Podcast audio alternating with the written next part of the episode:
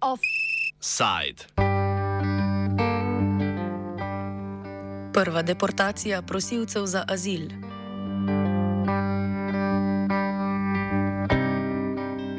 24. januarja je policija v Pakistan deportirala dva državljana Pakistana, ki sta bila v postojenskem centru za tujce.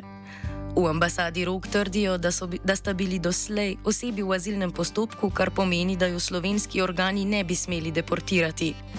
Z policije so nam odgovorili, da sta Pakistanca pred deportacijo prestala zaporno kazen v zaporu na dobu, s sodbo sodišča pa jima je bila izrečena tudi stranska sankcija - izgon iz države. Kakor trdijo na policiji, jima je bila prošnja za azil med, za mednarodno zaščito s pravnomočno odločbo predhodno zavrnjena in jo je policija zato obravnavala po določilih zakona o tujcih. A poročilo upravnega sodišča o neposrednem nadzoru sodišča v zadevi pridržanja pakistanskega državljana TI, ki ga je 30. januarja izdala predsednica upravnega sodišča Jasna Šegan, pravi drugače.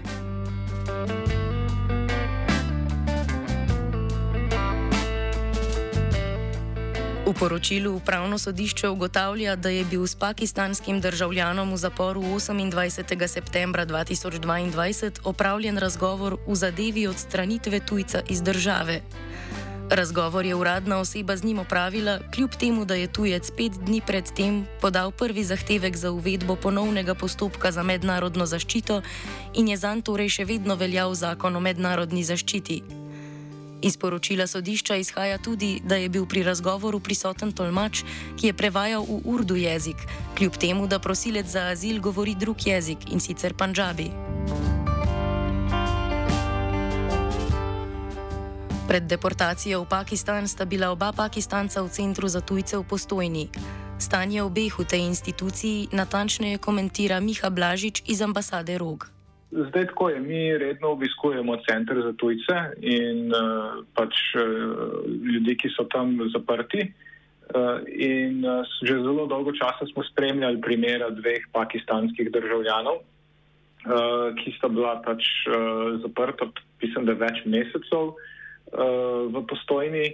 In, uh, ker je stopilo nekako v oči, je izredno slabo psihofizično stanje. Pač, uh, v, v smislu, da sta potrebovala non-stop oskrbo, uh, bila sta v bistvu zelo uh, depresivna, samodestruktivna, um, fizično se je videlo, da sta, da sta bolna. Uh, v razgovoru z enim smo ugotovili, da je on že bil enkrat v deportacijskem postopku, da so ga preko Avstrije poskušali vrniti v, v Pakistan in da je on takrat v, v obupu, pač ker zatrjuje, da njega bojo v Pakistanu ubili, če ga tja vrnejo, si je pred letom uh, poškodoval glavo, je z glavo trčil ob nek zid ali ob nek predmet, tako da se, da se je samo poškodoval, da ga ne bi mogel odpeljati. Toliko upan je bil. Skratka, govorim o osebah, ki so bila zelo, zelo v mejnem stanju. In sta tudi na to opozarjala, tudi sami smo potem opozarjali, da ni primerno, da sta zaprta v centru za tujce, in oba sta tudi zaprosila za azil. Uh, Zdaj za enega lahko konkretno komentiram, tudi zato, ker je pač odločba in, oziroma poročilo od sodišča prišlo, ne, je to, da um, je on dejansko zaprosil za azil ponovno v Sloveniji, zato ker je hotel izkazati pač svojo ogroženost v Pakistanu. Urška Regvar iz Pravno-informacijskega centra nevladnih organizacij predstavi srčiko problema v dotični obravnavi tujca. Generalno pravilo pravi, da ko nekdo zaprosi za mednarodno zaščito, ga ti ne smeš odstraniti z, um, z območja Republike Slovenije, dokler postopek mednarodne zaščite ni končana. Ne? In to pomeni, da v bistvu v, v, tekom postopka mednarodne zaščite se, se v bistvu policija ne sme ne sme ukvarjati že z postopkom vračanja um, osebe. Se pravi, ne bi smela te osebe, te osebe pristopiti, ne bi, ne bi smela začeti organizirati te poti, mu izdati kakršne koli odložbe, obrnitve in tako dalje. Tako da v bistvu, um, oziroma vsega tega ne sme narediti. Ne? In v bistvu v, teh, v enem izmed teh dveh primerov je šlo za to, da ko je, bila, ko je imela oseba še veljaven status prosilca za mednarodno zaščito, je v bistvu policija do enega izmed teh um, oseb pristopila in jo poskušala prepričati, in jo v bistvu prepričala, da se odpove svoje pravice do mednarodne zaščite, se pravi, da ta postopek ustavi in da gre v postopek um, vračanja. Ne? In tukaj gre za zelo hude uh, kršitve. Zvijačo, ki jo je omenila Regvar, je izvedla uradna oseba med ustno obravnavo Pakistanca v zaporu 28. septembra.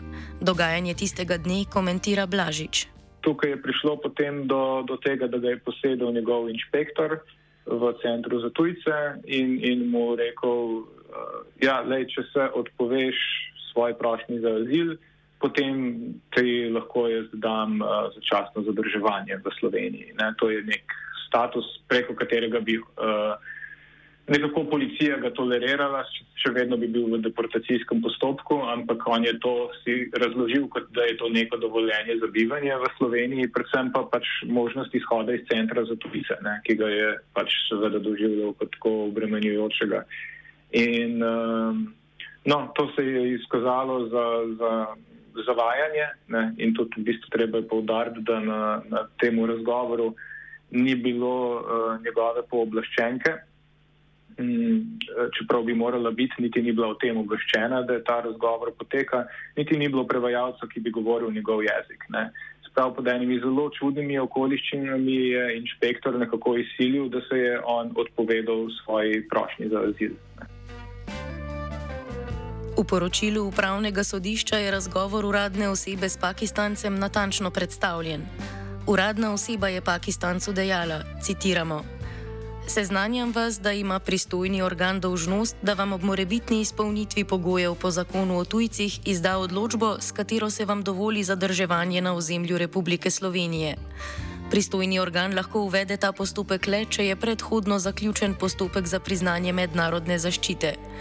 Ali želite, da pristojni organ uvede postopek dovolitve zadrževanja v skladu z zakonom o tujcih? Konec citata.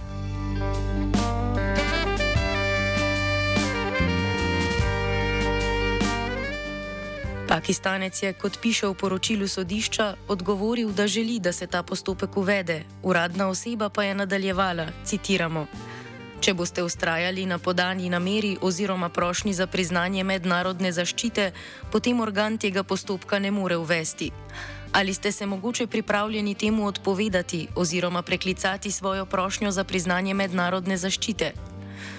Pakistanec je dvakrat ponovil, da se odpoveduje ponovni prošnji za mednarodno zaščito, da ni potrebno, da se o tem obvesti njegovega pooblaščenca, saj da mu odpoveduje pooblastilo, da se odpoveduje pritožbi oziroma tožbi zoper sklep o ustavitvi postopka v zvezi z mednarodno zaščito, ki bo izdan in navedel, da želi, da se zoper njega uvede postopek za dovolitev zadrževanja v Republiki Sloveniji tudi po izrednem opozorilu, da se mu lahko zadrževanje dovoli le, če bo izpolnjeval pogoje in da mu bo v nasprotnem primeru izdana negativna odločitev, proti kateri bo imel možnost uložiti tožbo, ki pa ne bo zadržala izvršitve, ter da bodo izpolnjeni pogoji za njegovo vračanje v Pakistan.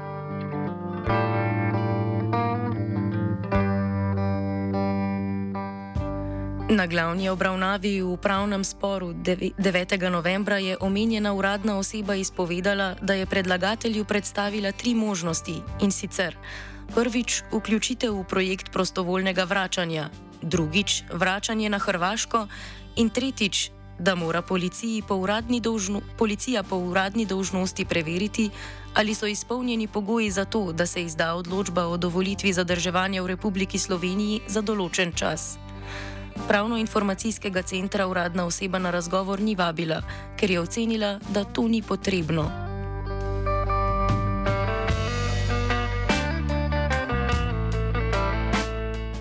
Sodišče je iz vsega tega v poročilu ugotovilo, da je bilo predlagatelju na razgovoru 28. septembra napačno predstavljeno, da ima le tri možnosti in da organ postopka dovolitve zadrževanja ne bo mogel uvesti, če bo ustrajal na podani nameri oziroma prošnji za priznanje mednarodne zaščite.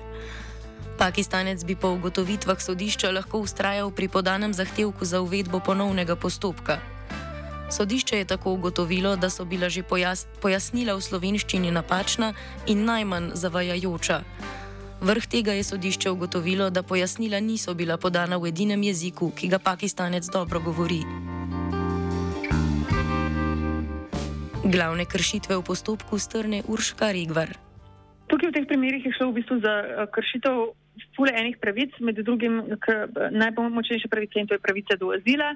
Potem je šlo do, do, v bistvu do tega, da je policija lahko pristopala do oseb brez. Um, brez uh, prisotnosti povleščencev oziroma odvednikov, um, svetovalcev za begunce teh oseb. In seveda najpome najpomembnejše je to, da um, osebe se v bistvu niso mogle učinkovito obraniti v teh postopkih, a ne so bile popolnoma pre prepoščene stvarim, ki so se jim dogajale. Hkrati je pa zelo pomembno tukaj videti, da um, konča končale so, so se stvari v deportaciji, a ne kljub temu, da so te osebe zatrevale, da jim v primeru uh, vrnitve grozi v bistvu mučenje oziroma nečloveško ravnanje. Ne? Um, in tukaj gre, gre za to, da um, policija vsaj v enem od teh dveh primerov ni spoštovala odločb sodišča um, in da gre za v bistvu neko splošno prakso policije, ki predstavlja popolno nespoštovanje prava um, in pa, pa pač pravic tujcev v tej državi. Kot pravi Urša Regvar, zastopniki Pakistanca niso vedeli za postopek deportacije, dokler se ta ni zgodil. Pri sodbah upravnega sodišča je zmeri potem na v bistvu, izvršilni oblasti, ne, da te sodbe upravnega sodišča spoštuje. In v praksi velikrat opažamo, da se to ne zgodi. In um, tukaj je pač to uh, problem nastal čisto v praksi, da ni, ni mogla, da nihče, zato ker nismo vedeli, ker nihče ni vedel točno, kaj vse se dogaja, ne, um, ni mogel v bistvu preprečiti te deportacije, stranka tudi ni imela um, nekako dostopa do svojih svetovalcev v smislu v tistem trenutku um, svetovalcev oziroma oseba, ki je, osebi, ki smo to stranko zastopali, sploh nismo vedeli, da do deportacije prihaja, dokler se ta deportacija že ni zgodila. Ne? In tukaj je šlo v bistvu za temeljen problem popolnega nespoštovanja um, stališč sodišča, sodbe sodišča in v bistvu tudi samega zakona. 4. oktober je Pakistanec prejel odločbo o nastanitvi v centru za tujce, ki pa je temeljila na spornem osebnem razgovoru z 28. septembra in na sklepu o ustavitvi azilnega postopka dan kasneje. Ta sklep pa je upravno sodišče 9. novembra odpravilo. Odločba o nastanitvi po poročilu upravnega sodišča zato ni zakonita. Poleg tega pa ima Pakistanec ponovno status prosilca za mednarodno zaščito. Kakor je ugotovilo sodišče, Pakistanec v Republiki Sloveniji ne prebiva nezakonito in ne more biti več odstranjen iz države. Po mnenju Regvar se je policija namerno in zavestno odločila za nespoštovanje odločitve sodišča in pravic tujca. Odločitev upravnega sodišča je bila zelo jasna. Problem je bil v tem, da v bistvu so, se da se je policija zavestno odločila, da teh odločitev sodišča niti ne zakona, niti pravic tujca ne bo spoštovala. Kljub vsem ugotovitvam upravnega sodišča so nam z policije odgovorili še, citiramo. Za preučitev okoliščin konkretnega primera je bil s tujcem opravljen informativni razgovor, v nadaljevanju pa voden predpisan upravni postopek. Tujec je opravilno sposobna oseba, ki je imel možnost zavrniti pogovor z uradnimi osebami. V nič ni bil prisiljen. Še več, na njegovo željo mu je bilo omogočeno, da v razgovoru sodeluje njegova svetovalka. Večkrat je bil opozorjen na posledice svojih odločitev. Imel pa je tudi možnost, da obrazložene predloge zavrne, ukolikor se s čim ne bi strinjal oziroma o svojih odločitvah ne bi bil prepričan. Vsi postopki so se vodili v skladu z zakonodajo. Poročilo upravnega sodišča smo prejeli in ga bomo tudi temeljito preučili, ter po potrebi tudi sprejeli ustrezne odločitve glede vodenja tovrstnih postopkov v policiji.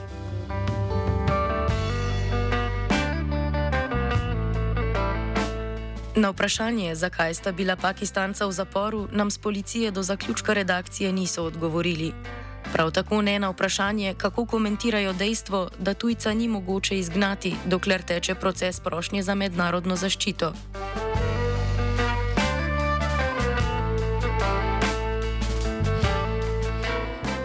Z ambasade Rug so še sporočili, da ima Center za tujce dolgo zgodovino težkih kršitev človekovih pravic, a da menijo, da je takšno posmehovanje sodiščem in temeljnim postopkom še celo za njih novost. Vlado pozivajo naj preneha z dolgoletno prakso nehumanih deportacij v nevarne države in naj zapre Center za tujce. Kot smo neuradno izvedeli iz tretjega vira, ki pozna postopek, so pravni postopki na Ministrstvu za notranje zadeve sicer še v teku. Ni nam reč jasno, kdo natančno je odločil o deportaciji dveh pakistancev. Odločb o deportaciji ne more izdati policija, temveč notranje ministrstvo.